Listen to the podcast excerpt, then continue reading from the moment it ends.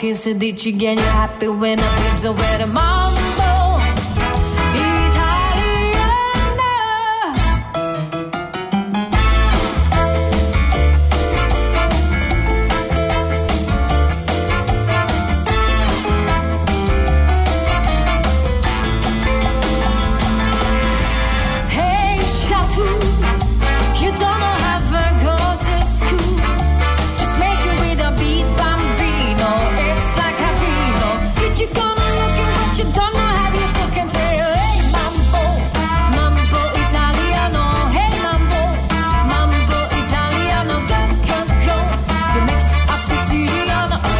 mambo dici che you're happy when I pizza with a mambo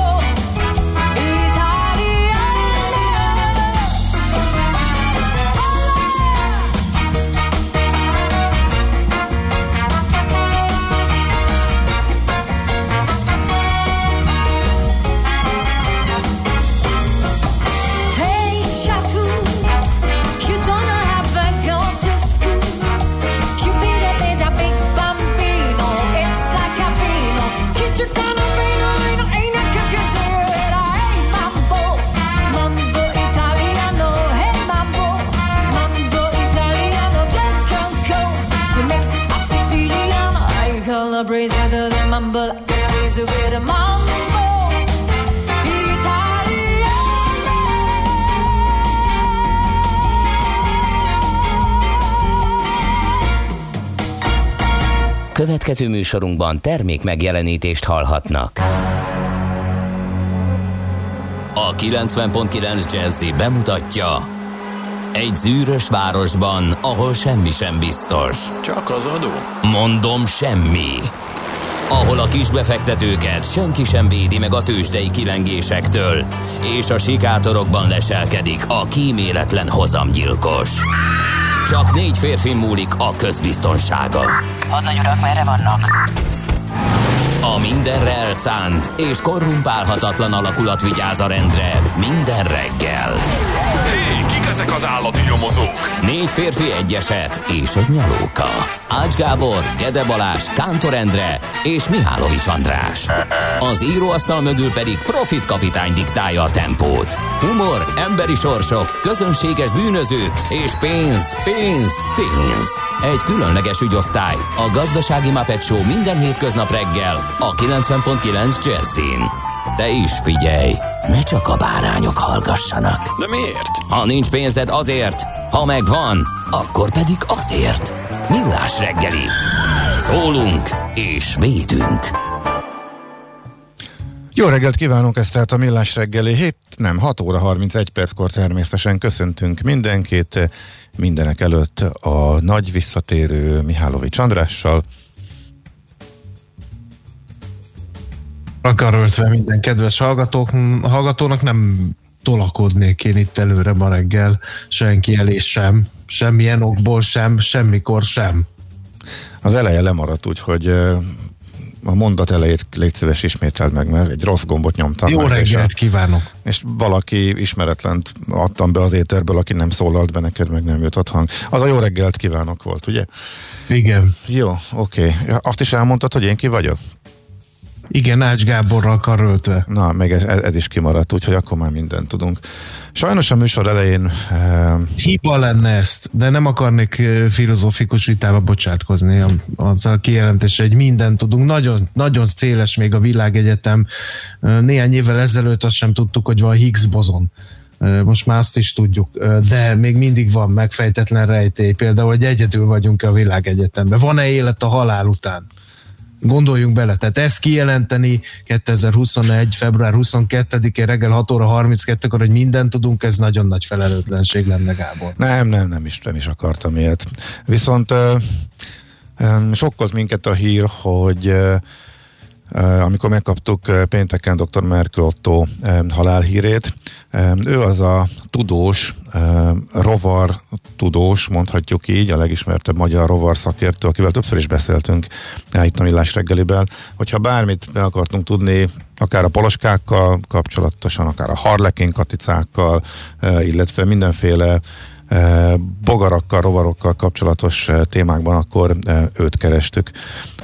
Ő 67, 62 évesen távozott sajnos, úgyhogy majd szerdán az zöld rovatban fogunk rá emlékezni azzal, hogy az egyik korábbi beszélgetésünket megismételjük, illetve hát lejátszuk néhány évvel ezelőttről. És szintén pénteken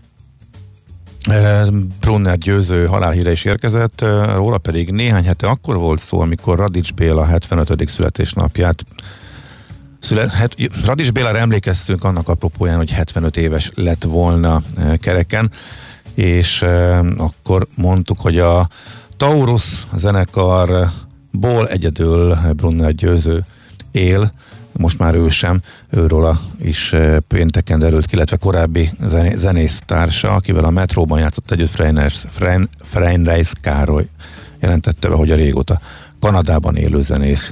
Nem és sajnos szuper volt. Az egy, igen, elképeszt. Igen, mert ott még a Som, Somlajos és Balázs Fecó volt benne, és Balázs Fecót is néhány hónapja vesztettük el, és akkor egy, most már sajnos senki nincs az élők sorában a Taurus zenekarból, akik a legalul értékelt, tehát ha, lem, ha kiadott lemezek számát tekintjük, akkor az ő teljesítményükhöz képest aztán már minden idők legalul értékeltebb magyar zenekar, hogy nem lehetett lemezük, igazából egyetlen egy kis lemezt, ha jól rémlik, adhattak csak ki. E, tehát a Taurus. De hát az 71-ben, 72 magasságban, ez akkor volt, amikor mi nagyjából születtünk, úgyhogy lassan 50 éve. Na, de akkor átadom neked a szót, hogy vidámabb, vidámabb témát is szóba tovább. igen. Gerzsonokat köszöntsük névnapjuk alkalmából ez egyszer biztos, a Gréte nevű hallgatókat, a Gréteákat is, meg a Petőket, a Pósákat, a Túliákat és az Étényeket is természetesen, és még sokakat kiadtunk a Palmerekkel és a Margittákkal kezdeném. Nem olvasnám most föl, pedig már majdnem felolvastam mindenkit. Nézzük, mi történt február 22-én. 2018-ban a rövidpályás gyorskorcsolya férfi 5000 méteres versenyszámában olimpiai bajnoki címet szerzett a Liu Shaoang, Liu Shaolin Sándor, Nok Viktor, Burján Csaba összeállítású magyar váltó. Ez volt a mi kis hazánk első téli olimpiai aranyérme, úgyhogy emlékezzünk erre mindenképpen jó szívvel, illetve 1975-ben volt egy lövöldözés gyékényesen az állomáson, ott az három halálos áldozatot követelt, ezt hm. idéztük még fel. Igen, ez Én egy nagyon... Többet nem nagyon tudok. Ez egy nagyon csúnya történet, egy igen szerelemféltés, vagy mi történt? Mm, nem, nem, hanem egy olyan fickó, akit igazából katona sem lehetett volna, de úgy megkönyörültek rajta, és bevették ezért hozzáférhetett fegyverekhez, berágotta a seregre, nem is a seregre, hanem a határőrségre egészen konkrétan, mert a testvérét elfogták, miközben át akart menni a határon, az akkori jugoszláv határon, Gyékényesnél, és némi nemű alkoholos befolyásolt, befolyásoltság hatás alatt. Arra utazván, nem ez volt a konkrét cél, egyszer csak bekattant, legalábbis ugye ez derült ki a későbbi vizsgálatokból, és amikor a vonat áthaladt gyékényesen, a vonaton, illetve vonatról az ablakból kezdett el a peronon levőkre, uh-huh. illetve a felé szaladókra e, lövöldözni, és végül egyébként még előre szaladt a mozdonyhoz is, és a mozdony vezető és a fűtő szerelték le. De így is sajnos három halálos áldozatot, és több, többeket is eltalál, de három halálos áldozata volt. De csúnya történet Igen. valóban, nem ismertem uh-huh. ezt, a, ezt a történetet. Viszont uh, még egy nagyon fontos dolog, hogy kicsit szépség flastromként ide illesszük a mai évfordulók közé, hogy 1978-ban nagy jelentősége volt február 22-ének a GPS rendszer első műholdját ugyanis ekkor állították pályára. Mihez kezdenénk ma? Vaze, vagy Google térkép, vagy ezek nélkül gondoljunk csak bele. Úgyhogy ennek a kezdete volt valamikor 1978. február 22-én. Hát születésnaposokból meg olyan bőségesen el vagyunk látva, hogy nehéz lenne tallózni. Én ide emelném Washington pont, György. Pont, pont tegnap eszméltem rá, hogy ez az első autó, amiben nincsen papír alapú térkép. Mert hogy beleszaladtam a régi szétzilált város térképembe, és eszembe se jutott, föl sem merült, hogy egyáltalán az autóba papír alapú térképet helyezzek el. Úgyhogy most hirtelen megszűnne az egész GPS-es dolog, vagy elég lenne az, hogy mondjuk valamilyen oknál fogva. Valaki lekapcsolná, igen. Hát csak vagy, hogy lefogyna az adatkereten, vagy történne valami a telefonnal, vagy bármi, akkor igen, csak meg lennék lőve. Még ez ezért van az én autómban térkép. Igen, nálad van? Nálam van. Aha, na, oké. Okay. Szolga lelkűen átrakosgatom. Átrakosgattad? Aha, én meg már nem. Igen. Na, oké. Okay.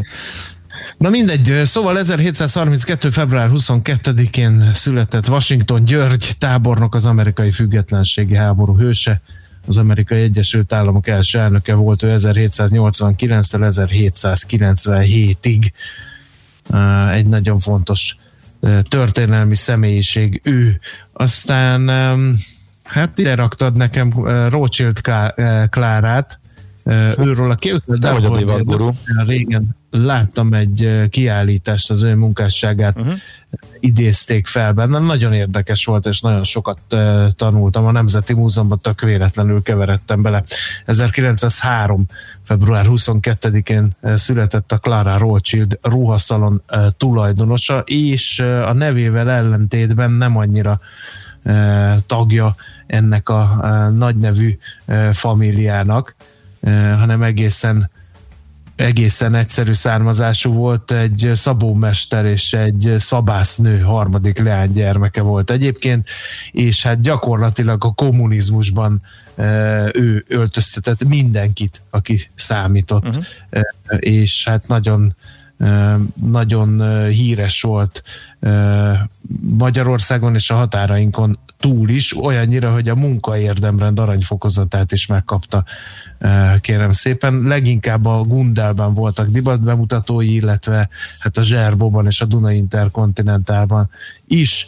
Aztán hát érdekes módon ő nagyon szomorú véget ért, egy balul sikerült fogmű, fogbeültetés miatt iszonyú fájdalmai voltak, és hát önkezével vetett véget az életének, és hát közben megtaláltam az időszaki kiállítás címe, meg az volt, hogy divat királynő a vasfüggöny mögött. Uh-huh. A ruhákat is, amiket ő tervezett, meg a híres embereket, akik hordták az ő kreációit, azokat is meg lehetett ismerni, úgyhogy érdekes az ő életútja, ha valaki teheti, olvasson utána. Uh-huh. Mit mondtál a gyékényes? Mert írják hallgató, hogy 75-ben volt, de nem ezt mondtad? Szerintem... De ezt mondtam. Jó, nekem is úgy rém lett. Ez van ideírva. Igen, azért csodálkozom, hogy írja egy hallgató, hogy rosszul mondtuk volna, de szerintem jól mondtuk. Igen, 1975-ös az a történet. Gid, zene, Guido és Mauricio de Angelis. Hány filmnek a végén láttuk ezt? Na, hát Mauriciónak is születésnapja van 1947-ben uh, született. Ő, Niki Lauda pedig 1949-es uh, évjáratú, és tavaly előtt hunyt el. Egész évben hordozva annak a szörnyű balesetnek a emlékét, következményeit, és hát végül is ez vezetett a halálához is, és sokáig karban tudták tartani, aztán idő után már sajnos nem. Ki van még? Szerenyei Béla 1958, magyar színész, és akkor nagyjából igen, Köszönöm. hát James Bluntot azért még ólózzuk itt ezzel. Neked hagytam, igen, igen, igen, igen, mint rajongó gondolom. Igen, meg még én, még én a krokodilembert is ide, ha már tragikus balesetről ejtettél szót, Steve Irwin, Ausztrál természetfilmes is ma ünnepelni a születésnapját. 1962-ben született, és krokodilvadász, nem krokodilember. Uh-huh. Közben eszembe jutott, és hát ezt Magyarországon is vetítették, és ő is nagyon tragikus balesetben hunyt el, búvárkodott, és egy rájának, amelyeknek volt egy farok tüske, ez pont olyan szerencsétlenül találta el, hogy belehalt a sérülésbe. Eléggé fiatalon 2006-ban hunyt ő el. Aha. Oké, okay, na most már próbáljunk kicsit túllépni itt a tragikus eseményektől, mert ez valahogy ilyen nagyon letargikusra sikerült a második fele is ennek a, az első körnek. Ha nincs GPS, a térkép még ott van a telón. Tényleg lehet biztos, de nem is gondoltam. Vagy, vagy le, az is lehet, hogy már használtam. Mert régen az biztos, hogy nem volt ott. Ha éppen nem volt, nem tudtam letölteni, akkor még a Google térkép is eltüntette magát, de persze azóta ezt tudom, hogy megvált volt, és ez a probléma megoldódott, úgyhogy ez egy teljesen jogos észrevétel, dékartás, útinformációja az a négy fal közül érkezett most, mert azt írja, hogy üdvözlet mindenkinek a karanténból, minden rendben, bár a hangulatot kicsit rontja, hogy lassan kezdek kifogyni a megnézendő filmekből, és jelentkezett eh, F, a magányos szerelmes futár, és jó reggel Cseperről Gödölőre jól lehet közlekedni egy várakozással teli hétvége után. Úgyhogy eddig ezeket az infokat kaptuk a illetve kérdéseket, észrevételeket kaptuk a hallgatóktól. Várjuk őket továbbra is nagy-nagy szeretettel 0 30 20 10 909 es az SMS Viber, illetve WhatsApp számunk.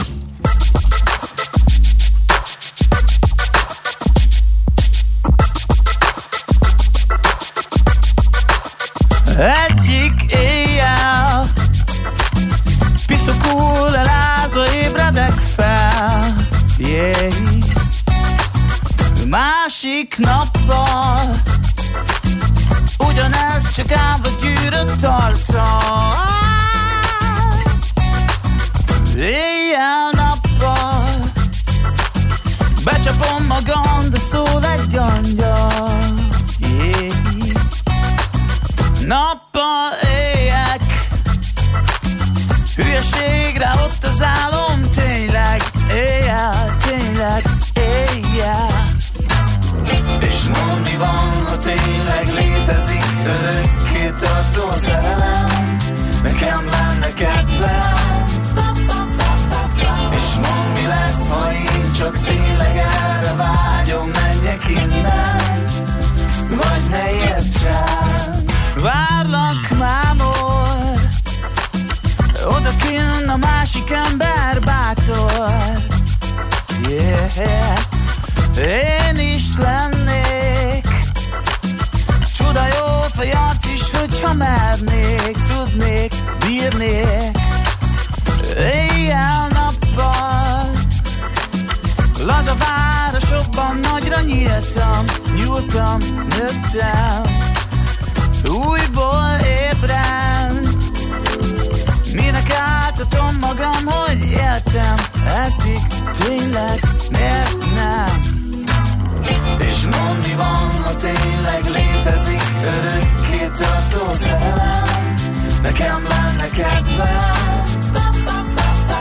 És mondd mi lesz, ha én csak tényleg erre vágyom Húzzak innen? Vagy ne értsen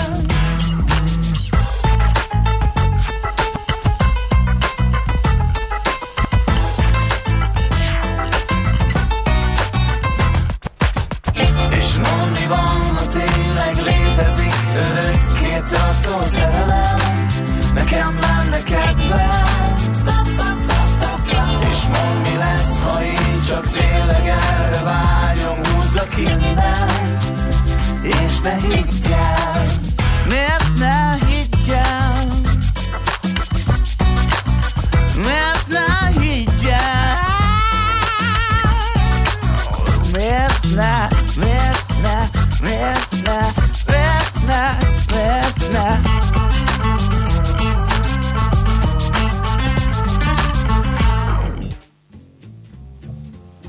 Nos, mit olvastál? Figyelj, én azt olvastam, az egész sajtót beteríti, hogy ördög Nóráék kisboltja rossz helyen van. Jaj, ne. Nem lehet odébb tol- tolni, ezért költöznek, mert a lakók nem bírják a celebházas pár kisboltjánál lévő állandó tumultust. Na, ennyit a, a Hogyha te bulvár hírekről. visszajössz az erdő mélyéről, akkor téged a bulvár von. Hát ez jött az a- szembe, egyszerűen nem tudtam elugrani előre. Azt hittem, hogy ez a legfontosabb hír ma Magyarországon. De én meg nem is találkoztam ezzel.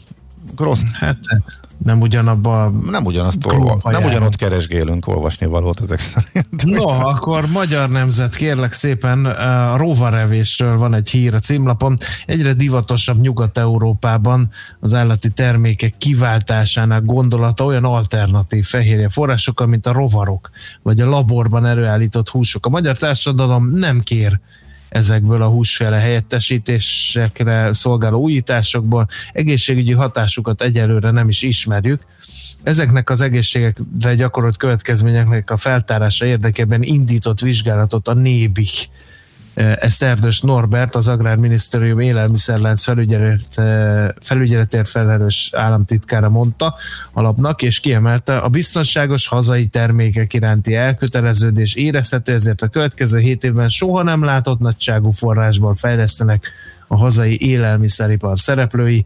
A digitális forradalomra sem kell sokat várni, az első pályázatok a szereplőkkel folytatott egyeztetéseket követően megnyílnak. A kormány célja, hogy a magyar élelmiszeripar az évtized végére ismét Európa legjobbjaiból versenyezzen.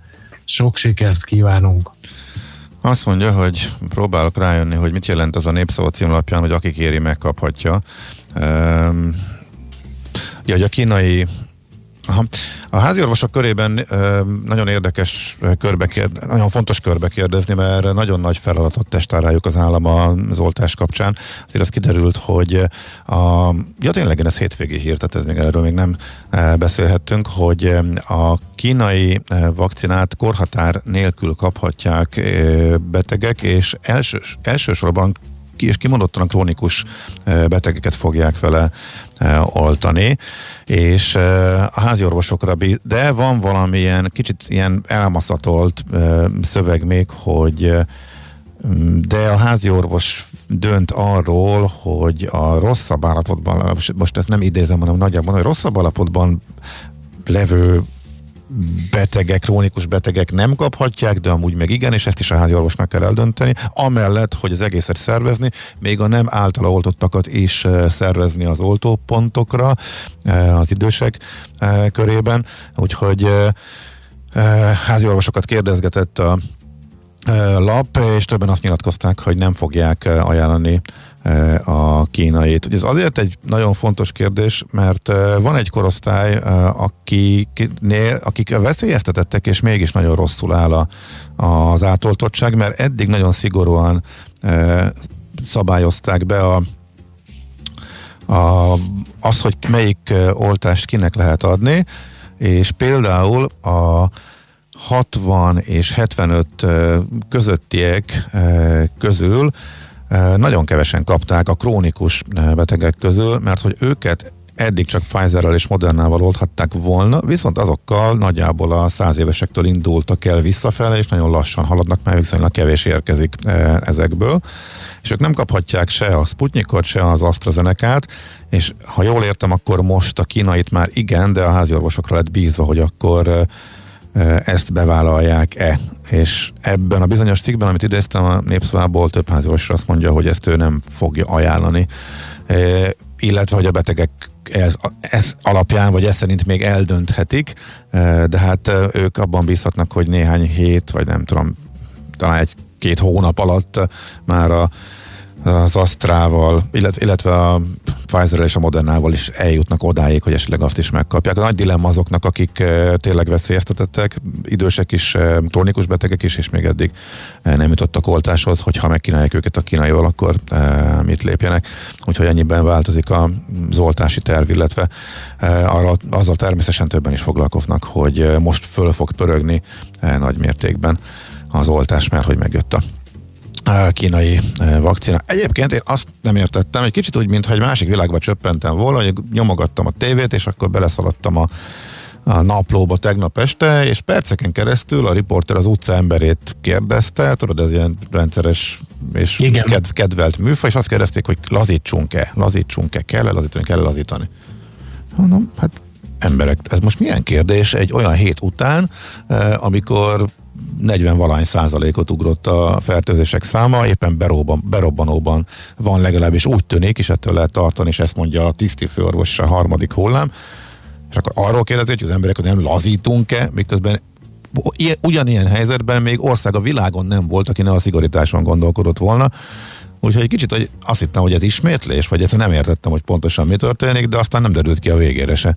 Úgyhogy kicsit ugye elvesztettem a, a fonalat, illetve nem igazán értem, hogy ha ez valóban így lesz, és mondjuk fölmegy még innen x szeresére, akkor is itt fogunk állni nagyjából ezzel a szokásos, változatlan fél lockdownnal, eh, és arról beszélünk, hogy nyissanak a teraszok. Ah, nem tudom, kíváncsi, hogy hova fog ez eh, kifutni. Minden esetre furcsa volt ez a kettősség, és ebben az egy kis ellentmondást éreztem. Na, jó, eh, van-e még nálad valami?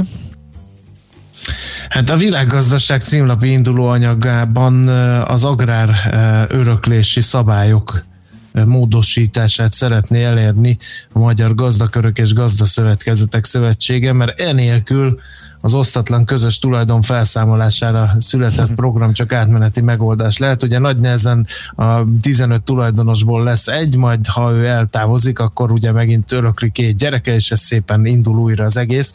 Hát ezt úgy állítaná meg a, a gazdaszövetség, hogy csak egész tulajdoni hányadban lehet örökség jogcímén bejegyezni a tulajdonjogot a földhivatalban, és meghatároznának egy parcella minimumot is, valamint újra birtokösszevonási támogatást is kérnek eh, a Magyar Gazdakörök és Gazdaszövetkezetek Szövetsége, eh, hogy megoldódjon az agrár öröklesség egyre égetőbb kérdéseinek megoldása.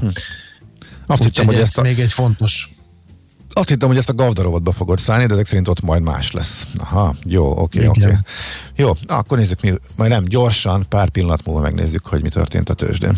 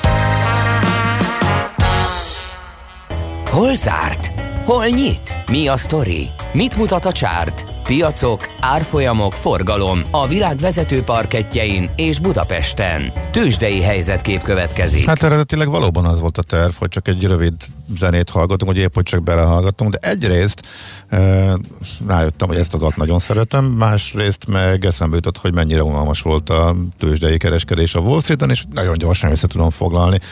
Na nem mi volt Budapesten? Ott is unalmas volt. valahogy dobjuk, valahogy dobjuk fel azért. 5 század százalékkal gyötörte feje magát a Bux, úgyhogy a pozitív plusz tartományba e, találta magát. E, 0,62 század százalékot esett a MOL, 0,67%-ot ment fölfelé az OTP, 0,23%-ot esett a Richter, a Telekom meg stagnált. Az Isten szerelmére találj már egy papírt, ami 1%-ot bírt mozogni, vagy annál többet. Megpróbálok, figyelj, várjál. Uh, Itt van például a Waberers 2,63 százalékot ment fölfelé, a Rába majdnem kettőt, Tyú. És hogy a másik oldalról is nézzünk, ott 1,29%-os mínusz volt az Alteonál, igaz, nagyon ergya forgalomban. Mi ez a gyötrődés, basszus? Ez teljesen kiábrándító. Rég láttam ennyire semmilyen Na figyelj, akkor figyelj a Dow Jones-nak a változása. 0,98. Nem százalék, pont. Százal, százalékban 0,00.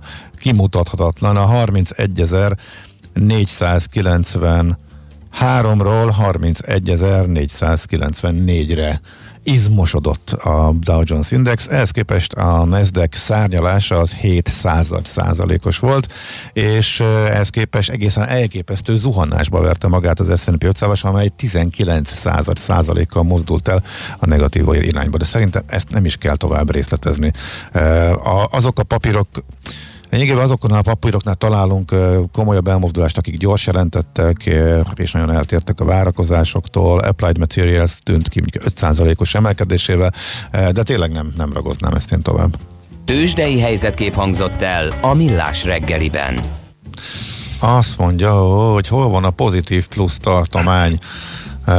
Macitól kérdem, ezt mondta. Hát a nulla felé elmozdulunk a pozitív irányba, de annyira kicsit, hogy hogy kifejezhetetlenül. Így van. Neg- van negatív mínusz tartomány is, amikor a nullától balra mozdulunk el, alig észrevehető légypiszoknyi módon. Persze hozzá, érdemes hozzátenni, hogy mindezt a tőzsdék nagyon nagy emelkedést követően csinálják, ahonnan nem estek vissza, hanem a nagyjából a tető környékén ácsorognak sok-sok éves, meg történelmi csúcsokon. Úgyhogy ez talán, ha valaki eddig nem követte, az fontos információ. Várjuk a közlekedési infokat, egy-kettő már érkezett, ezeket majd összegyűjtjük és csokorba szedjük, aztán pedig jövünk vissza a hírek után. Műsorunkban termék megjelenítést hallhattak. Reklám, céges energiafogyasztás, energetikai tudnivalók, teendők és döntések. Tudni akarod, hogyan lehet hatékonyabb a céged? Fontos lenne, hogy pazarlás helyett a megtakarításon legyen a hangsúly. Tudj meg többet az energiahatékonysági megoldásokról minden kedden reggel 3.48-kor a Millás reggeliben.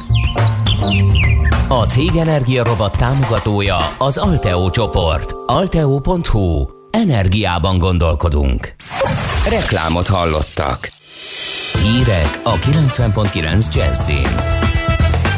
A veszélyhelyzet meghosszabbításáról szavaznak ma a parlamentben. Bezuhant a Huawei mobilos üzletága. Sokfelé kisüt a nap, akár 17 fok is lehet. Köszöntöm a hallgatókat, következnek a részletek.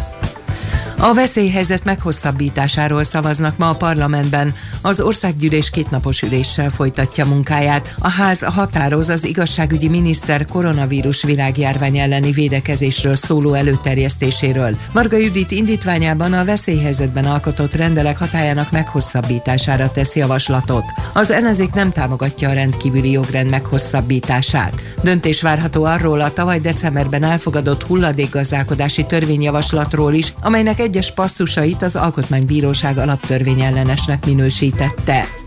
Jelentősen emelkedik a magyar paralimpiai érmesek és helyezettek állami jutalma, jelentette be Szabó László a Magyar Paralimpiai Bizottság elnöke. A szervezet javaslatára a kormány úgy döntött, hogy az aranyért járó eddigi 17,5 milliós összeget 25 millióra, az ezüstért járót pedig 12,5 millióról 17 millió 850 ezerre emeli. A harmadik helyezettek mostantól 14 millió 250 ezer forintos jutalomra számíthatnak, és egészen a nyolcadik helyezettekig jár majd az anyagi elismerés.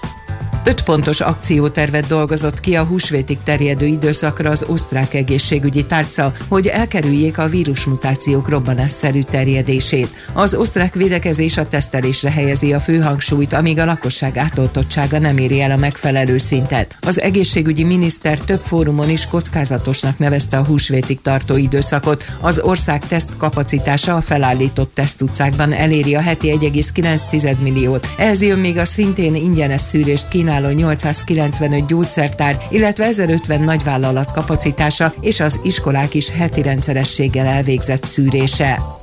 A litvániai emigrációban élő Sviatlana Cihanuszkaja ellenzéki vezető szerint a fehér orosz demokrácia mozgalom hat hónappal a vitatott elnökválasztás után átmeneti vereséget szenvedett, mert eszköztelen az erőszakkal szemben, amit a rezsim alkalmaz, nyilatkozta egy svájci lapnak. Cihanuszkaja hozzátette, az ellenzék felkészül a tavasszal újrainduló küzdelemre. Az augusztus 9-i elnökválasztást az országot hosszú ideje irányító Ajaxand Lukasenka nyerte meg a hivatalos adatok szerint. A Cihanuszkaja Tihanuszkaját valódi győztesnek elismerő ellenzék csalást kiáltott, a választás óta hetente tartottak tiltakozó megmozdulásokat. Bekapcsolta a Facebook a Myanmari hadsereg oldalát, mert a közösségi média platform szabályzata tiltja az erőszak szítását. Előző nap két ember életét vesztette a dél-kelet-ázsiai ország második legnépesebb városában, Mandalayban, miután a rendőrök éles lőszerrel belelőttek a február 1 katonai hatalomátvétel ellen tiltakozó tömegbe. A Facebookot az elmúlt időszakban keményen bírálták, amiért nem tesz eleget azért, hogy visszaszorítsa a gyűlöletbeszédet a felületein. Bezuhant a Huawei mobilos üzletága. A cég alkatrész rendelései több mint 60%-kal csökkenhetnek az idén a kínai vállalat elleni amerikai szankciók eredményeként írja a napi.hu. A Huawei-t 2019-ben fekete listázta az Egyesült Államok nemzetbiztonsági kockázatra hivatkozva. A Google is megvonta tőlük az Android támogatást, több országban pedig az 5G hálózatból is kitiltotta az eszközeiket. Az időjárásról a kisé párás ködös reggel után sokfelé kisüt a nap, csak helyenként maradhatnak tartósan felhős párás körzetek, csapadék nem várható délután 6 és 17 fok között alakul a hőmérséklet, a ködös tájakon lesz hűvösebb. Köszönöm a figyelmet, a hírszerkesztőt László B. Katalint hallották. Budapest legfrissebb közlekedési hírei a 90.9 Jazzin a City Taxi Dispécsejétől. Jó reggelt kívánok, köszöntöm Önöket! Erősödik a forgalom a városban, lassú haladásra kell számítani a Hungáriai körúton, a Könyves Kálmán körúton, a Kerepesi úton, az Erzsébet hídon és az elvezető utakon, illetve a bevezető utak jelentős részén. Sávlezárásra kell számítani ma reggel 8 órától napközben a Flórián téri felüljárón Pest felé burkolatjavítás miatt. Ma reggel 5 órától március 7-ig lezárják Kispesten a Bátori utcán, az Adi Endre út előtt csatornaépítés miatt. További jó utat kívánok Önöknek! A hírek után már is folytatódik a millás reggeli, itt a 90.9 jazz Következő műsorunkban termék megjelenítést hallhatnak.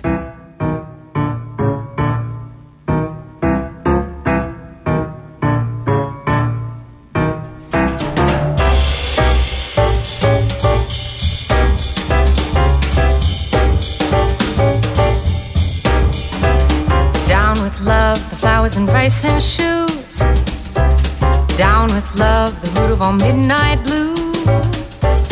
Down with things that give you that well known pain. Take that moon and wrap it in cellophane. Down with love, let's liquidate all its friends. The moon in June and roses and rainbows ends. Down with songs that moan about night and day. Down with love, let's take it away, away. Take it away, take it away. Give it back to the birds and the bees and the Viennese. Down with eyes, romantic and stupid. Down with sighs, down with Cupid. Cupid, brother, let's stuff that dove down with love.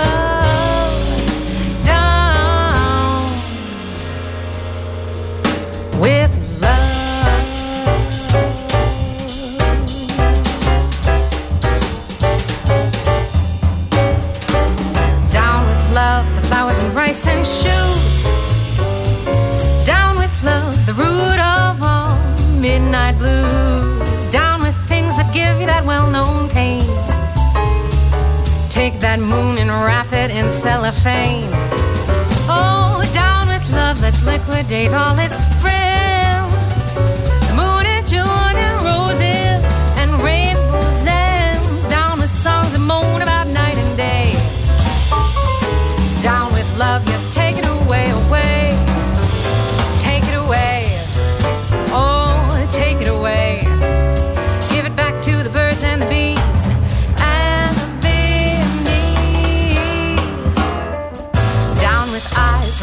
And stupid. Down with sighs, down with Cupid. Brother, let's stuff that dove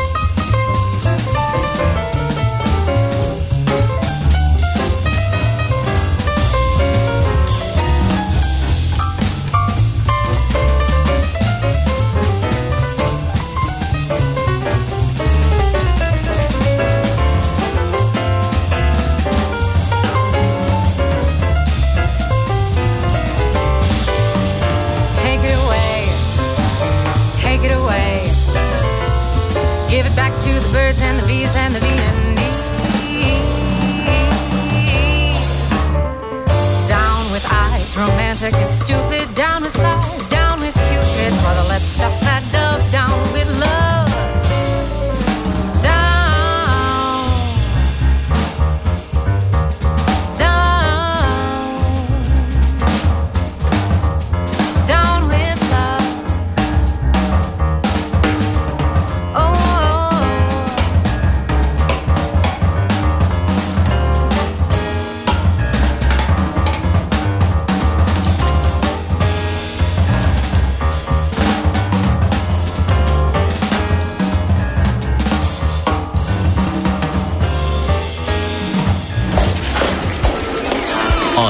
rohanásban könnyű szemtől szembe kerülni egy túl szépnek tűnő ajánlattal. Az eredmény krétával körberajzolt tetemes összeg. A tethelyen a gazdasági helyszínelők, a ravasz, az agy és két füles csésze és fejvállalakzat. A lehetetlen küldetés megfejteni a Fibonacci kódot. A jutalom egy bögre rossz kávé és egy olyan hozamgörbe, amilyet még Alonso Mosley sem látott. Millás reggeli, a 90.9 Jazzy Rádió gazdasági mapetsója. Vigyázat! Van rá engedélyünk!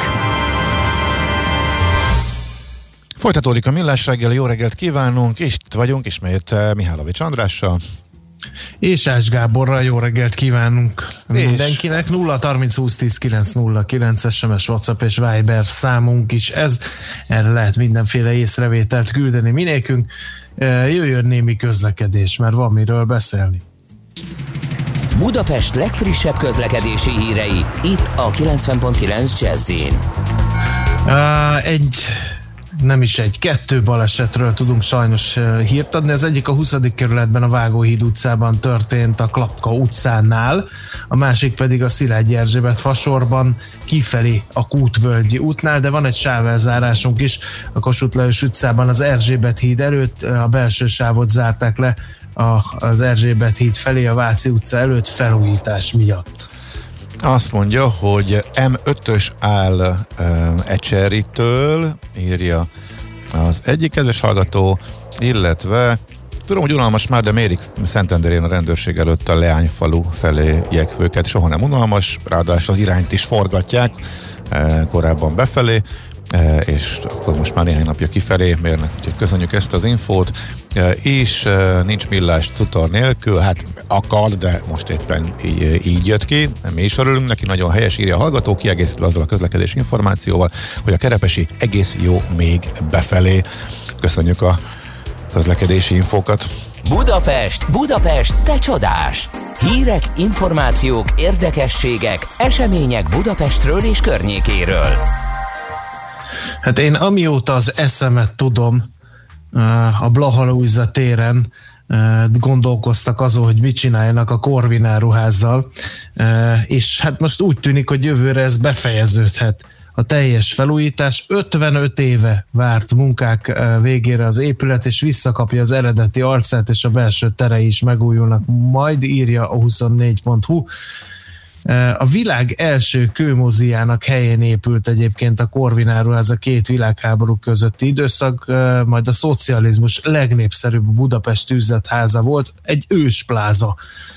1926-ban adták át, és mindent meg lehetett akkor venni, amit lehetett. Aztán ugye a háború után gyakorlatilag egy ilyen burkolatot kapott, amit rajta felejtettek jó soka, sokáig ugye orgazdáktól visszavásárolt árukészlettel már 1945 márciusában megnyitottak, és hát nem kisebb hatóság irányította 1948 és 52 között, mint a szovjet javakat kezelő hivatal. Aztán utána a 56-os forradalom még húzott rajta egy karistolást, és hát mivel a teljes bezárás szóba sem kerülhetett, ezért hát egy ilyen alumínium borítást helyeztek a főhomlokzatra. Na ez 51 évig ott állt aztán, ez az átmeneti megoldás, és hát most úgy döntöttek, hogy elbontják ezt, a, ezt az alumínium burkolatot, és felújítják a régi pompájában fog tündökölni a Corvin áruház 300 milliós csak a homlokzat felújításra fordítható állami, állami támogatás mellett a Korvinára az ingatlan hasznosító Kft.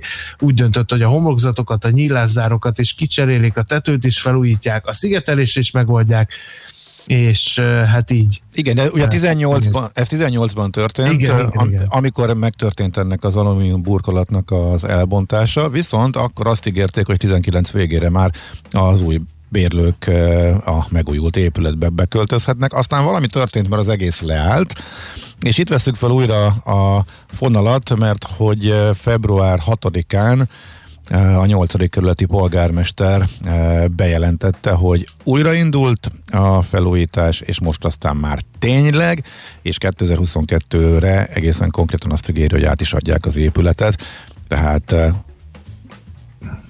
két év múlva igen, Igen és kérlek szépen, hogy mi lesz ott, mert ugye megfojtották, mint plázát, a rendes plázák a Korvint, uh-huh. de egy biztos a tervek szerint kereskedelmi és iroda funkció biztosan lesz az épülethez.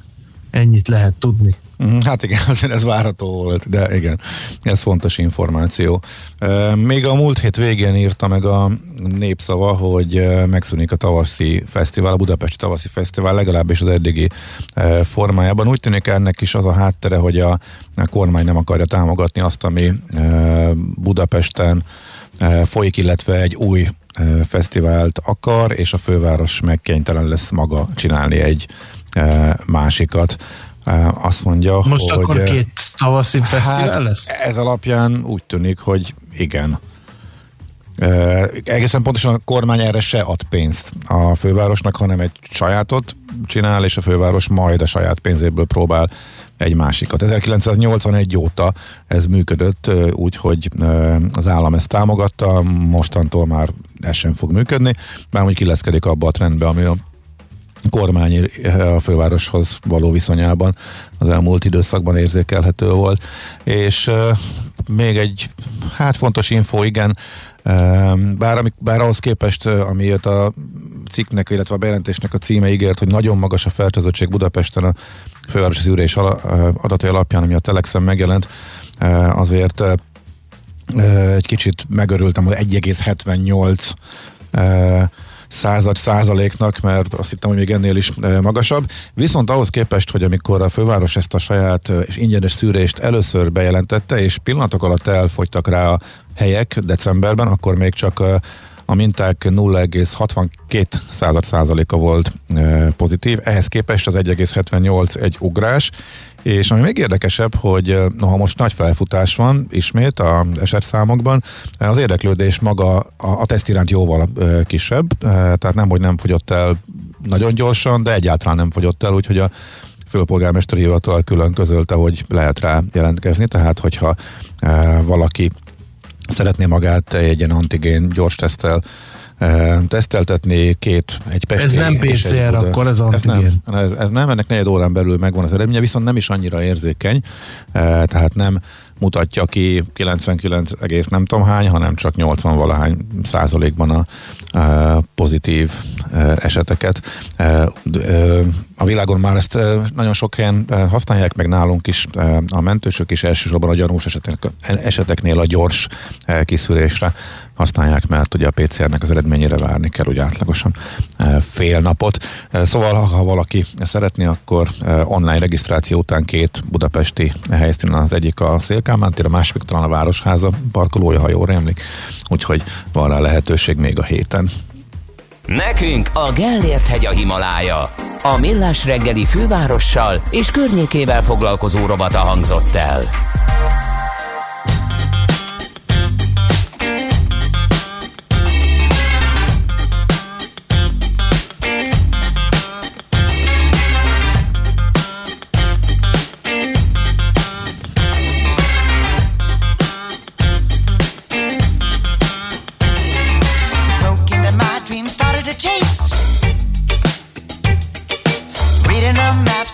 On face. Yellow queer lines lead us to a place where the two of us come all unlaced. A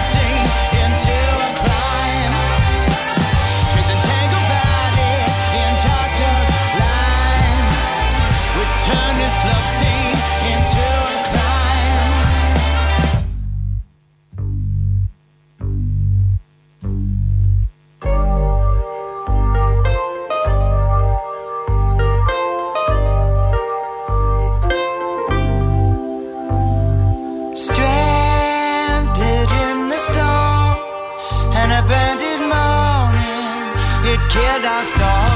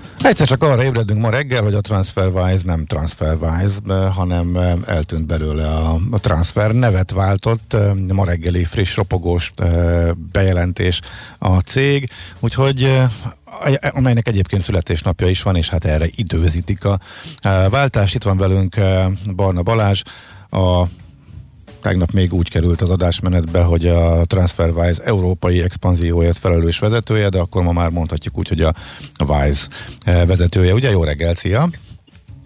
Uh, igen, sziasztok, jó reggel! Hogy zajlik ez, és mi áll a háttérben? Mindig meglepődünk, eh, hogy amikor ilyen névváltások vannak, néha bejön, néha nem, nálatok mi indokolta? Hát ugye, hogyha, hogyha visszaemlékszem arra, amikor ugye veletek beszéltem először, akkor is gyakorlatilag ezt egy 5-6 percet eltöltöttünk azzal, hogy igen, a cég az a, a nemzetközi átutalásokban indult, azonban most már ugye számlákat adunk, és sokkal több dolgot lehet ugye végezni ezen a platformon, és azt gondoltuk, hogy egy tíz év után érdemes ezt így át gondolni, és még mindig ugye rengeteg új, új és új felhasználó érkezik, és egy új branddel talán egyszerűbb lesz nekik megérteni azt, hogy mik azok a dolgok, amiket nálunk tudnak végezni. Uh-huh. Tehát ugye ezt, a, ahogy mondtam, ezt az átutalásokkal kezdtünk, aztán utána rájöttünk arra, hogy a probléma ennél azért nagyobb, hiszen a belföldi bankolás az jól működik, viszont am, am, am, amikor valaki mondjuk ki szeretne lépni az országhatárokon, vagy más devizákban is szeretne pénzt tárolni, küldeni, fogadni, akkor ugye falakba ütközik. És ez az, amit, ez az, amit gyakorlatilag építünk globálisan, ez a, ez a Wise brand. Uh-huh, Oké, okay. most egyébként a mezei átutalás mondhatom úgy, az milyen arányt képvisel, illetve hogy most mik a legfontosabb irányok a cégnél? Hát, a, a, a maga Wise számla az, az 55 devizát támogat, ebben lehet küldeni, tárolni pénzt. Az összeg, amit nálunk tárolnak jelenleg, az 3 milliárd font, és 1,4 debitkártyát adtunk ki eddig, eddig globálisan. Tehát, de egyébként még mindig ugye az átutalások a, a, ugye a leghangsúlyosabb része a, a, a, a portfóliónknak. Um, emellett ugye, ami a legdinamikusabban növekszik, az a, a Wise az üzleti vállalkozásoknak. Itt arra kell gondolni, hogy uh, ugye üzleti vállalkozások, akik mondjuk nemzetközi vagy globális babérokra törnek, ott ugyanúgy megkapják ezt a számlát, amit ugye a magánügyfelek, azonban mellette olyan szolgáltatásokat adunk, amikkel mondjuk tömeges kifizetéseket tudnak végezni, az alkalmazottaikat ki tudják fizetni bárhol a világban, ahol vannak. Illetve a harmadik legfontosabb rész, ez a Wise platform, amihez nagyon nagy reményeket fűzünk. Itt ennek az a lényege, hogy úgy is tudják emberek a Wise szolgáltatásait ö, igénybe venni, hogy ahhoz nem kell regisztrálniuk ugye a wise.com-on, vagy letölteni ezt az alkalmazást, hanem például, hogyha az N26 nevű bankot használja valaki Németországban, akkor a Wise-on keresztül fognak menni az átutalásaik, ezáltal ugyanazt az árat kapják, és ugyanazt a sebességet, meg szolgáltatás minőséget, mint mondjuk a, a saját ügyfeleink. Uh-huh. Érdekes. Ugye annak idején, ugye pont tíz éves a cég, ugye, hogyha jól olvassuk. Igen. Uh, igen, igen. Annak idején az egész, ugye mondhatni, hogy klasszikus történet abból a szempontból az indulás, az alapítás, hogy valaki berágott azon, hogy milyen rossz szolgáltatást kap, és akkor majd ő ezt megpróbálja megoldani, és csinál egy újat, tehát egész konkrétan az alapító kapott egy vaskosabb összeget a számlájára, és azt akarta Észtországba hazaküldeni, és döbbenetes lehúzásnak érezte, és akkor ebből jött az ötlet, hogy ezt forradalmasítsa a cég, és ez valóban így is lett. Viszont mit lehet csinálni a következő tíz évben? Tehát van-e még olyan irány, ahol ha nem is forradalmasításra, de mondjuk óriási növekedésre van lehetőség? Uh, igen, ez érdekes a, a, a Wise-nak az elmúlt tíz éve. Én azt gondolom, hogy ez, ez alapvetően annak ellenére, hogy, hogy, hogy, hogy miket értünk el, és hogy mekkora a cég, ez az alapoknak a lerakásáról szólt. Tehát ugye sokszor beszélnek garázszégekről, ugye főleg az Egyesült Államokban, ugye a Wise viszont ugye a, a a konyhájában kezdődött, aztán utána onnan költöztünk Londonba egy olyan irodába, amiben még ablakok sem voltak, és ma már ugye van, van 15 irodánk uh, a világ minden táján, és 2200 ember foglalkoztatunk. Ugye az első átutalás, amit, a, amit elvégeztük, az 2000 euró volt, és ma ez 4,5 milliárd font uh, havonta, és ezzel spórolunk meg ugye 1 milliárd fontot. Hogy mennyi van az ügyfeleinknek, ugye, hogy, hogy mennyi van ebből hátra, úgy számoltuk, hogy ennek a piacnak a mérete az nagyjából 150 milliárd font, tehát ez az, amit a, a bankok és a különböző pénzügyi szolgáltatók felszámolnak ugye a pénz mozgatásáért országhatárokon belül. És amit el szeretnénk érni, ahova el akarunk jutni, az, az igazából ugyanaz, amiről eddig beszéltünk, tehát szeretnénk csökkenteni az árat minimálisra, növelni a sebességet, jelenleg 34% az utalásainknak instant, valamint ezt most már elkezdtük, elkezdtünk dolgozni a befektetési szolgáltatásukon, ahol az ügyfeleink kamatot is tudnak kapni majd arra a pénzre, amit nálunk használnak. És itt ugye a stratégia, hogy hogyan tudjuk ezeket a dolgokat elérni, az, az nagyon egyszerű. Tehát például, amit Magyarországon is csináltunk, hogy csináltunk egy jegybanki integrációt a, ugye a Nemzeti Bankkal direktben, és ezáltal ugye Magyarországon már nem volt szükségünk egy banki partnerre, aki elvégezte ezeket az átutalásokat, és szeptemberben adtuk át ezt az integrációt, decemberben már képesek voltunk csökkenteni a Magyarországra történő utalásokat átlagosan 15%-kal. Mármint a díjukat, igen. Igen, igen. Uh-huh. Remélhetőleg nem az átutalásokat, igen. Uh-huh. Az miért van egyébként, hogy még mindig nagyon magas a... Van egy olyan érzésem, hogy a várakozásaitokhoz képest azért az arány, amit kiszakítottatok ti, illetve még vannak hasonló szolgáltatók, akik a bankoknál jóval olcsóbban kínálják a nemzetközi átutalásokat, ahhoz képest, hogy mekkora árkülönbség van, ez az átjövetel az ügyfelek részéről nem lett akkora, még mindig azért nagy többségben a bankok tudják tartani ezt a piacot piacot. Ennyire nem árérzékenyek az ügyfelek, amikor nemzetközi e, utalásokról van szó, vagy a bankok, a nagy nevű hagyományos bankoknak a még mindig ekkora biztonságérzetet adnak, vagy ez miért nem változott vajon gyorsabban? Erről szoktatok beszélgetni? Gyakorlatilag semmi másról nem beszélgetünk. Uh, ugye elértük ezt a, ezt a 10 millió felhasználót, uh, ami azért egy elég szép szám, de ahogy mondtad, igen, uh, a legnagyobb uh, ugye pán-európai bankoknak uh, 40-50 millió ügyfelük van. Itt szerintem az alapvető probléma az az, hogy, az emberek nincsenek tisztában még mindig azzal, hogy hogy nincs olyan, hogy vételi, meg eladási árfolyam, hanem középárfolyam van, és uh, ugye a különböző pénzügyi szereplők arra használják ezeket a, az árfolyamokat, hogy ebbe rejtsék el a, a díjaikat. Uh-huh. És amíg ezzel, amíg ezzel nem lesznek uh, tisztában az emberek, addig, uh, addig ugye nagyon nehéz lesz ezt elmagyarázni nekik, hogy amíg mi azt mondjuk nekik, hogy mondjuk egy átutalás 15 uh, euróba fog kerülni, egy másik szolgáltató azt mondja, hogy ez csak 2 euró lesz, de utána adnak nekik mondjuk egy olyan árfolyamot, amivel mondjuk vesztenek 50 eurót. És, ez, és ez ellen egyébként az EU is most már elkezdett fellépni, és elfogadtak egy olyan szabályozást, amiben ezt gyakorlatilag megtiltják, de még nem láttuk azt, hogy ezt, ezt széles körben valóban be is tartanák. Uh-huh. Még egy kérdés, akkor itt a budapesti iroda meg öt éves, ugye? Nagyjából az ötödik évben nyitotta a Budapest, és az a viszonylag nagyobbak közé tartozik. Ugye most hányan vagytok, illetve milyen fejlődéssel számoltok, tehát mik az idei terveitek? Tehát kimondotta most a budapesti uh, irodát, illetve? Uh, nagyjából a 450 uh, dolgozunk a budapesti irodában, és uh, az idei évre 75 embert szeretnénk felvenni a különböző pozíciókban. Ugye nagyon hangsúlyos nálunk ugye a fejlesztőknek a felvétele, illetve a termékmenedzsereknek a, a felvétele, és itt szeretnénk abszolút a, a, a legjobb a legjobbakat megfogni, valamint ugye nemrég jelentettük be a, a végzős és gyakornoki programunkat, amit, amit ugye a különböző felsőoktatási intézményekben hirdetünk, és, és nagyon jó tapasztalataink vannak erről, világszerte, úgyhogy reméljük, hogy Magyarországon is ennek majd egy, egy nagy felfutását fogjuk látni. Uh-huh. Oké, okay, hát nagyon szépen köszönjük, és akkor további uh, sikeres, nem is tíz, hanem még sok-sok évet uh, kívánunk. Szép Köszönjük napot és jó munkát mára. Szia, szia.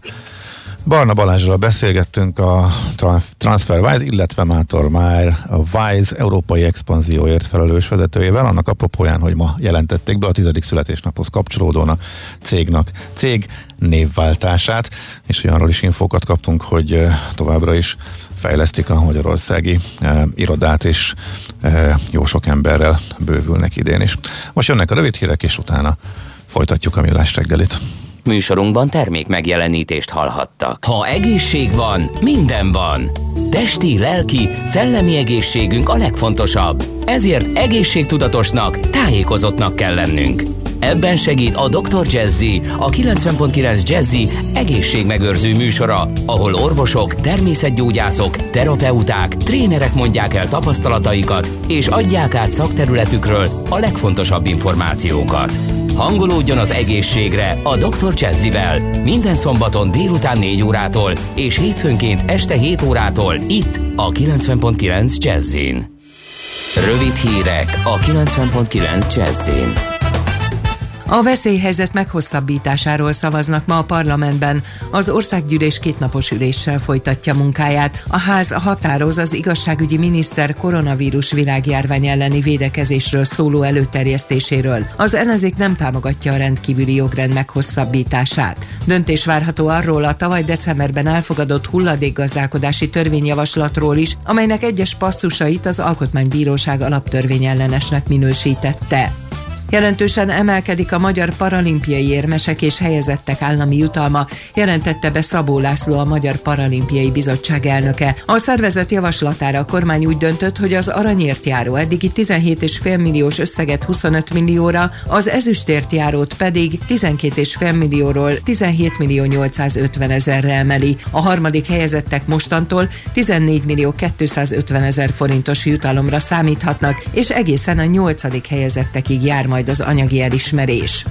Öt pontos akciótervet dolgozott ki a húsvétig terjedő időszakra az osztrák egészségügyi tárca, hogy elkerüljék a vírusmutációk robbanásszerű terjedését. Az osztrák védekezés a tesztelésre helyezi a főhangsúlyt, amíg a lakosság átoltottsága nem éri el a megfelelő szintet. Az egészségügyi miniszter több fórumon is kockázatosnak nevezte a húsvétig tartó időszakot. Az ország teszt kapacitása a felállított tesztutcákban eléri a heti 1,9 milliót. Ehhez jön még a szintén ingyenes szűrést kínáló 895 gyógyszertár, illetve 1050 nagyvállalat kapacitása és az iskolák is heti rendszerességgel elvégzett szűrése.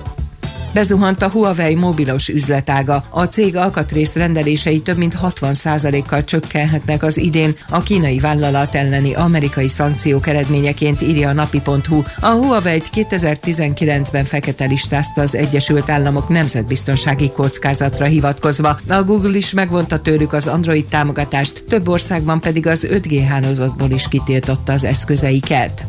Az időjárásról a kissé párás ködös reggel után sokfelé kisüt a nap, csak helyenként maradhatnak tartósan felhős párás körzetek, csapadék nem várható délután 6 és 17 fok között alakul a hőmérséklet, a ködös tájakon lesz hűvösebb.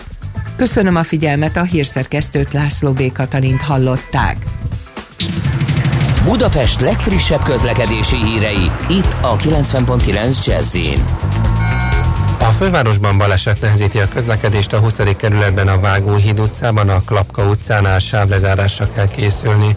Lassan lehet haladni az autópályák fővárosi bevezető szakaszain, a Rákóczi úton, a Barostértől, a Kerepesi úton és az Üllői úton a nagyobb csomópontok közelében, illetve a Pesti úton a Ferihegyi útnál és a Keresztúri útnál. Telítettek a sávok a Hungária körgyűrűn és a Nagykörúton szakaszonként mindkét irányban. Lassú a haladás a Budai alsó rakparton a Dráva utcától, illetve az Erzsébet híd előtt északi irányban, a Budai alsó rakparton a Szépvölgyi út vonalától délre és az Erzsébet hídon Pest felé. A Krisztina körúton a Szél Kálmán tér felé a Vérmező út után lezárták a külső sávot távfővezeték javítása miatt. A Kossuth Lajos utcában a Váci utcánál az Erzsébet híd felé a belső sávot zárták le, mert felújítják. A buszsáv egy rövid szakaszon itt megszűnt, napközben a környéken torlódásra lehet készülni. Siling Solt, BKK Info. A hírek után már is folytatódik a millás reggeli. Itt a 90.9 jazz Következő műsorunkban termék megjelenítést hallhatnak.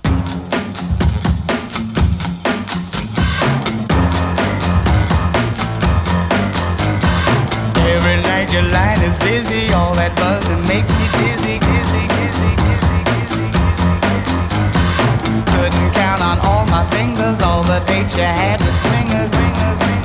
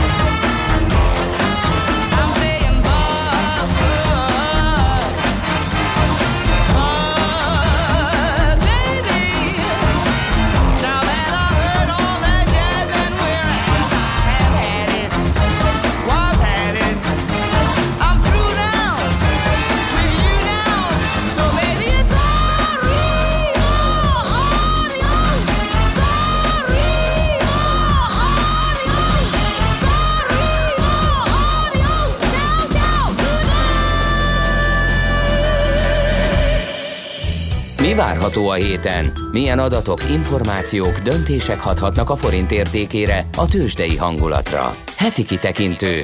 A millás reggeli szakértői előrejelzése a héten várható fontos eseményekről a piacok tükrében.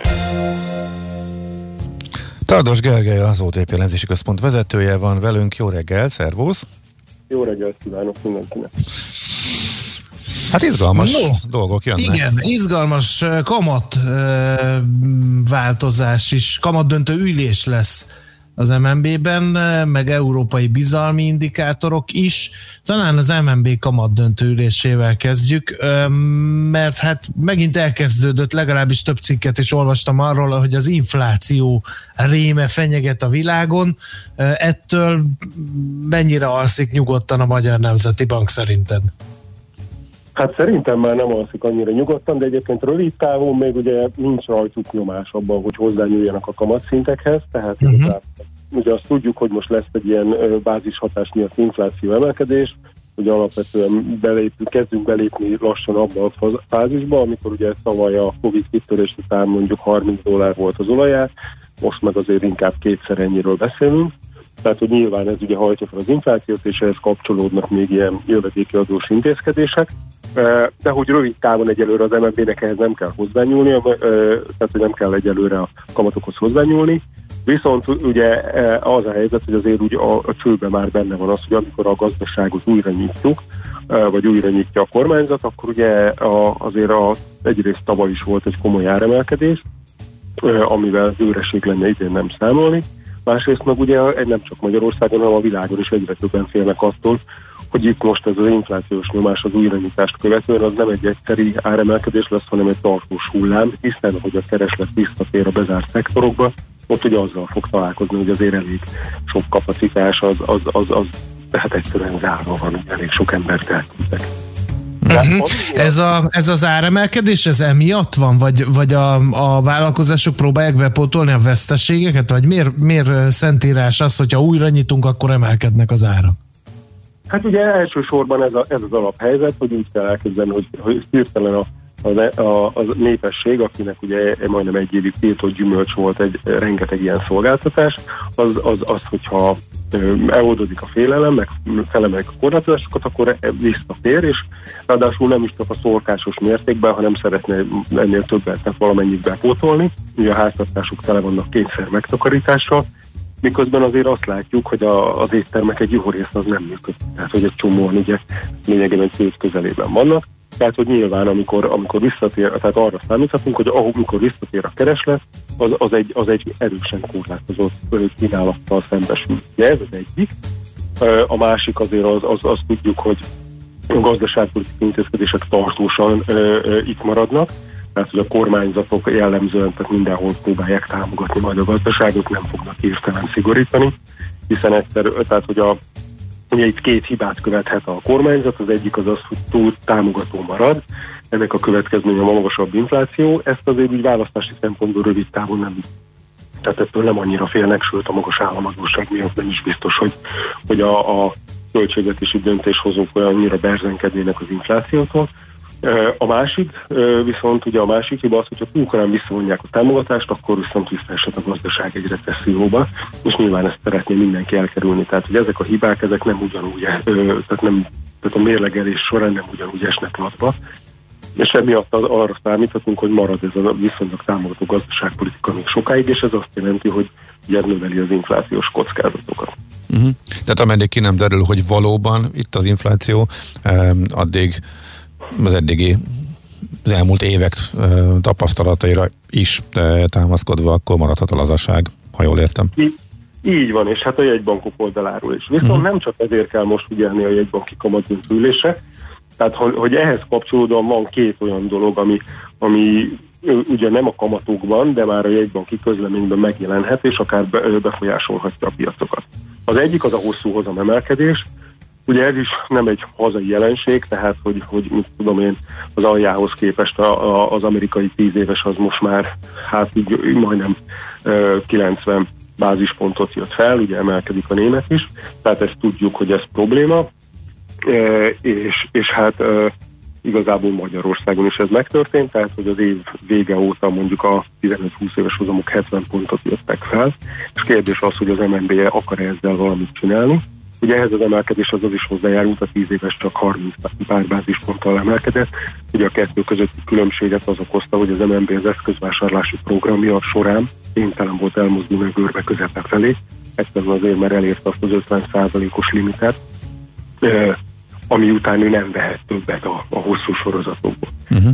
Egy kérdés az, hogy akar -e ezzel valamit csinálni, hogy, hogy ugye két lehetőség merül fel, vagy egy, hát egy ilyen kamatszvap eszköz, ilyet használt már az MNB, vagy az, hogy a fedezett hitelnek, ami ugye eddig maximum 5 éves volt, annak a futamidejét lehet kitolni, tehát ilyen 10 vagy 15 évre.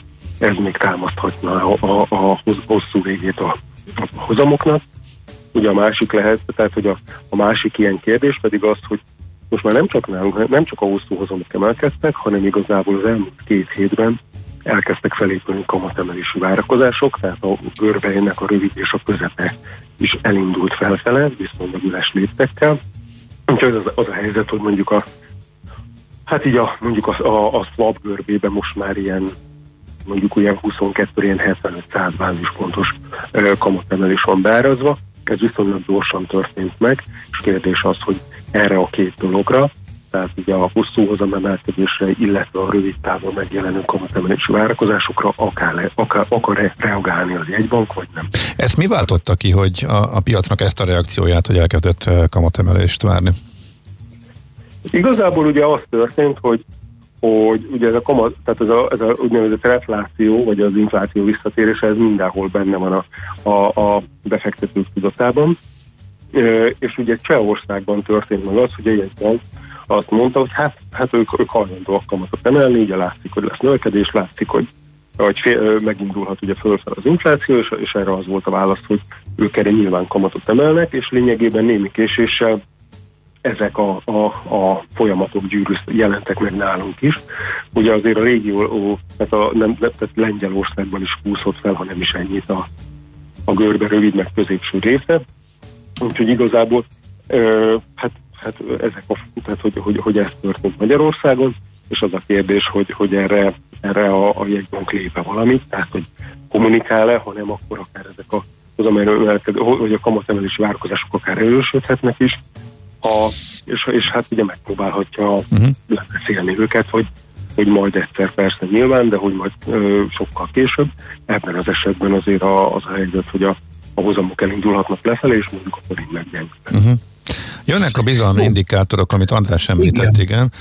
De azok meg nem egyértelműek. Hát elindult az oltás, mintha látszana a fény az alagút végén, akkor a bizalmi indikátoroknak szépen javulniuk kellene, nem? Jó, de közben viszont a mutánsoktól való félelemben elmaradtak a legapróbb nyitások is, és kitolódik az az időszak, amikortól helyreállhat a gazdaság, legalábbis ilyen változás is láttunk az elmúlt hetekben. Na szóval akkor most mire számítanak vajon a piaci szereplők az európai fellendülést illetően? Hát ugye a, tehát a várakozásokban az, hogy ezek a bizalmi indikátorok egy kicsit javulnak, ugye azt, tehát mondjuk a régióval szemben a nyugat-európai számok azok inkább egy előre csökkenő pályát követnek.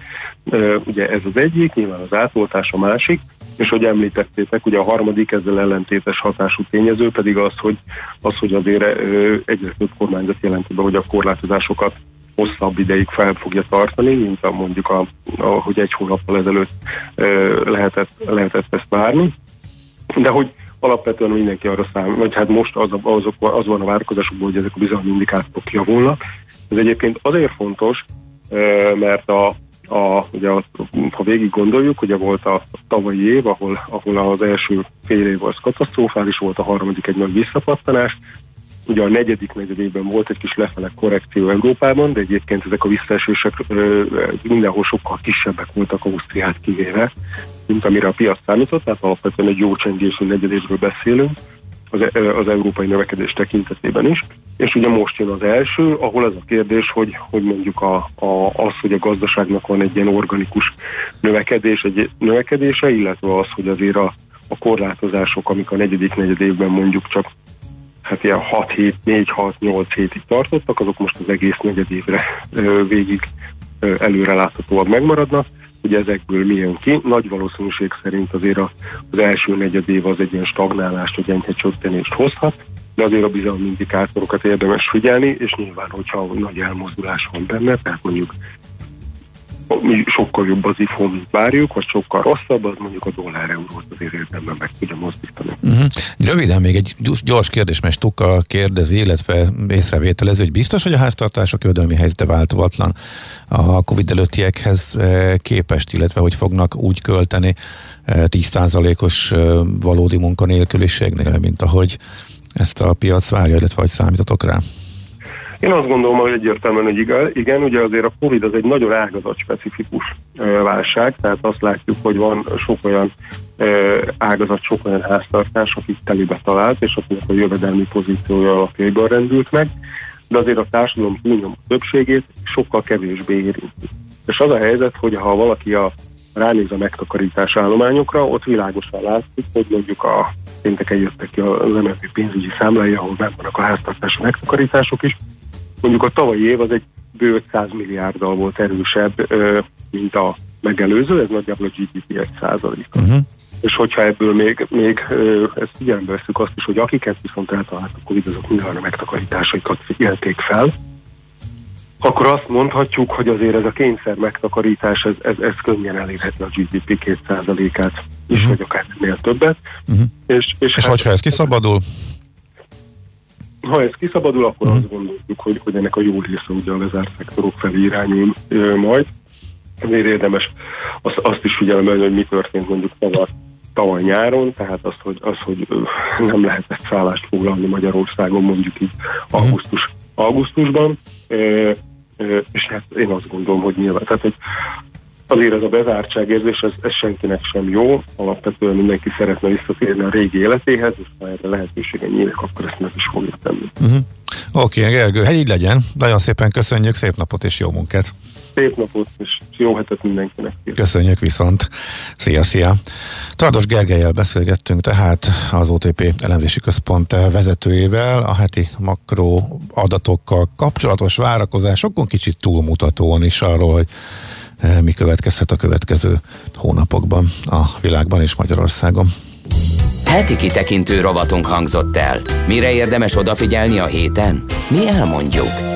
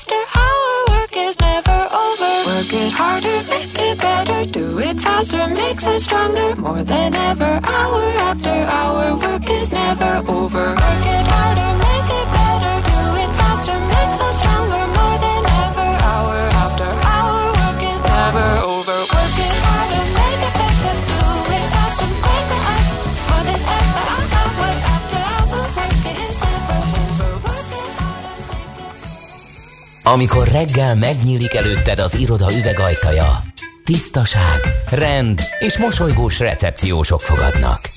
Minden működik, van kávé az automatában, szappan a mosdóban, nincsenek morzsák a széked alatt. A jó munkához megfelelő környezet kell. Tiszta iroda, rendes cég, ingatlan üzemeltetés, költségoptimalizálás.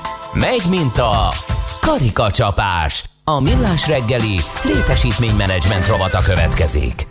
Támogatónk a létesítményüzemeltetés szakértője a B plusz N referencia ZRT. B plusz N. Egy élhetőbb világért dolgozunk. Általában irodákról beszélgetünk ebben a rovatban, de most shoppingolunk egyet, most plázázunk, mit szólsz hozzá? Igen, megnyílik az Etele Plaza 2021-ben, ha minden igaz, szeptember 3-án, ami azért érdekes, mert hogy 10 éve nem volt klasszikus bevásárlóközpont nyitására példa Magyarországon, ez 136 ezer négyzetméteres lesz, és ebből 55 ezer bérbeadható terület. Hát Azért érdekes ez a szituáció, mert nem ennek a projektnek szeretnék reklámot csinálni, hanem hogy a plázáknak a szerepe az mint hogyha megváltozott volna az elmúlt években, nem elsősorban, vagy nem csak be, bevásárolni járnak oda az emberek, főleg most, hogy ugye a, a járvány miatt előtérbe került az online kereskedelem, de egyrészt ez a shoppingolás, mint műfaj úgy tűnik, hogy nem megy ki a divatból, másrészt azért nem, nem csak shoppingolni járunk, sőt, elsősorban nem shoppingolni járunk a plázákba, hanem tulajdonképpen élményeket szerezni, és hát ennen koncepció mentén nyílik meg természetesen ez az új pláza is, és hát gyakorlatilag természetesen lesznek benne divatüzletek, de négy szintes a pláza. Az első és a második emeleten üzletek, a harmadik emeleten lesz ez a bizonyos food court, illetve konditerem is lesz, uh-huh. és még garázs, meg tetőparkoló is lesz, lesz benne természetesen egy mozi is. Hát ugye E, ezek eddig is voltak nagyjából tíz évvel Igen. ezelőtt, és ö, a henyélés és élvezkedés kategóriában az a tető terasz, ami esetleg újdonságnak számít, hogy meg egy park a tetején, ugye, hogy ott ahol szépen Igen, igen, menni, igen. és a közösségi életet élni akár nyílt eh, területen. Eh, A portfólió eh, egészen konkrétan eh, Detroit kollega lehetőséget kapott egy bejárásra. kihagytad. Mit? Ki? Na, de kihagytál egy nagyon fontos dolgot. Igen. A 20% felett van az élmények aránya állítólag, ezt Aha. kiszámolták, de lesz benne például a selfie pont. Az is egy ilyen. Ezt én szándékosan próbáltam, de kihagyni, de nem sikerült. Illetve, Ez már eh, kicsit sok kérlek nekem, szépen, igen. Férfi megőrző is lesz benne. Igen, igen. Az mit tud? Hát eh, nehéz ezt eh, behatárolni. Én még nem vettem részt férfi eh, megőrző szolgáltatások igénybevételében. De úgy már jártál, hogy te már húztál volna, és a partnered még Nem, inkább. én úgy jártam, hogy el sem mentem volna. Ah, Ja, jó, de hát amikor És mégis. és ha kénytelen voltál, vagy ilyesmi, tehát azért Akkor kerestem a szemkontaktust hasonló cipőben járó férfi társaimmal. Uh-huh. Én egyötörten. Ö, Van egy erre egyébként nehéz, érdekes nehéz, nehéz, a, nehéz a nemi szerepek változásáról politikailag korrekten beszélgetni, ezért most megpróbáljuk mi is vadul körülírni, hogy nem biztos, hogy azonos mm, időigénye van egy átlagos budapesti férfinak és nőnek arra, de egyébként ez nyilván megint leegyszerűsítés, ferdítés, mert valakinél ez pontosan fordítva van, de abból, hogy ezt hivatalosan is bejelentik, hogy em, férfi megőrzőt létestenek a Budapest legújabb plázájára, azért arra következtetünk, hogy valóban eh, ez egy létező probléma, amire szolgáltatást lehet építeni. Na, minden esetre 1300 parkoló, 10% alkalmas lesz elektromos autótöltés, na ilyen biztos, hogy nem volt és nem merült föl még 10 évvel ezelőtt, amikor a utolsó pláza átadásra került. Az parkosított rész, ott kávézni, henyélni, ebédelni az nyilván jópofa dolog. Mini piazzaként, térként használatos majd az első és a második emeletnek a közepe, és e, természetesen külön applikáció, ahol benyomsz egy gombot és bárhova elvezet, hogy ne kelljen kavarognod és e, az információs pultot keresni és a térképet nézegetni a falon, akkor tör, tör, nem törutas program, lojalitási program, itt nem utazol, hanem csak mászkálsz, szóval ilyenek, de, ilyenek De vannak. várjál, még és- egy, egy nagyon figyelemre méltó szolgáltatása is lesz. Ugye a bevásárlók központok mosdóit sokszor használják hajléktalanok, és itt most háromféle mosdó lesz. Lesz egy, egy olyan mosdó külön erre a célra a hajléktalanoknak tisztálkodásra, az épület oldalában, ezt kívülről lehet megközelíteni, aztán ezen felül vannak a normál ingyenesen használható mosdók, és lesznek VIP mosdók is, Gábor, amit természetesen ellenszolgáltatás fejében lehet majd igénybe venni. Uh-huh. Tehát a sima mezei Plaza Budi ingyen lesz, és lesz VIP klotyó. Igen. Na, hát ezeket sikerült. Köszönjük szépen Detroit kollégának, hogy bejárt a helyettünk is, és tapasztalatait megosztotta, és ezért mi tudtunk erről beszélni. Egyébként tényleg érdekes, és hát kíváncsian várjuk, hogy a tíz év után megnyitó első pláza mit ad majd, illetve mennyire lesz sikeres és népszerű. A jó munkához megfelelő környezet kell. Tiszta iroda, rendes cég. Ingatlan üzemeltetés, költségoptimalizálás. Megy mint a karikacsapás. A millás reggeli létesítménymenedzsment rovata hangzott el. Támogatónk a létesítményüzemeltetés szakértője a B plusz N referencia ZRT. B plusz N. Egy élhetőbb világért dolgozunk. Szofisztikált elnevezése a kocsmának írja a hallgató, de mire írja? Mit mondtunk? Melyik, mire, mire jutott ez olyan az eszébe? A férfi megőrző. Lefogadom. Igen? Én visszautasítom. Ez megint, megint nem PC. Um, és a férfiak nevében, hogy mi csak a kocsmába érezzük jól magunkat, ez, ez felháborító. A férfi megőrzőben szerintem mély kulturális programokat lehet igénybe venni. Uh-huh. Jó. Nyilván Hát, vannak olyan sarkai, szegletei, ahol egyébként már-már kocsma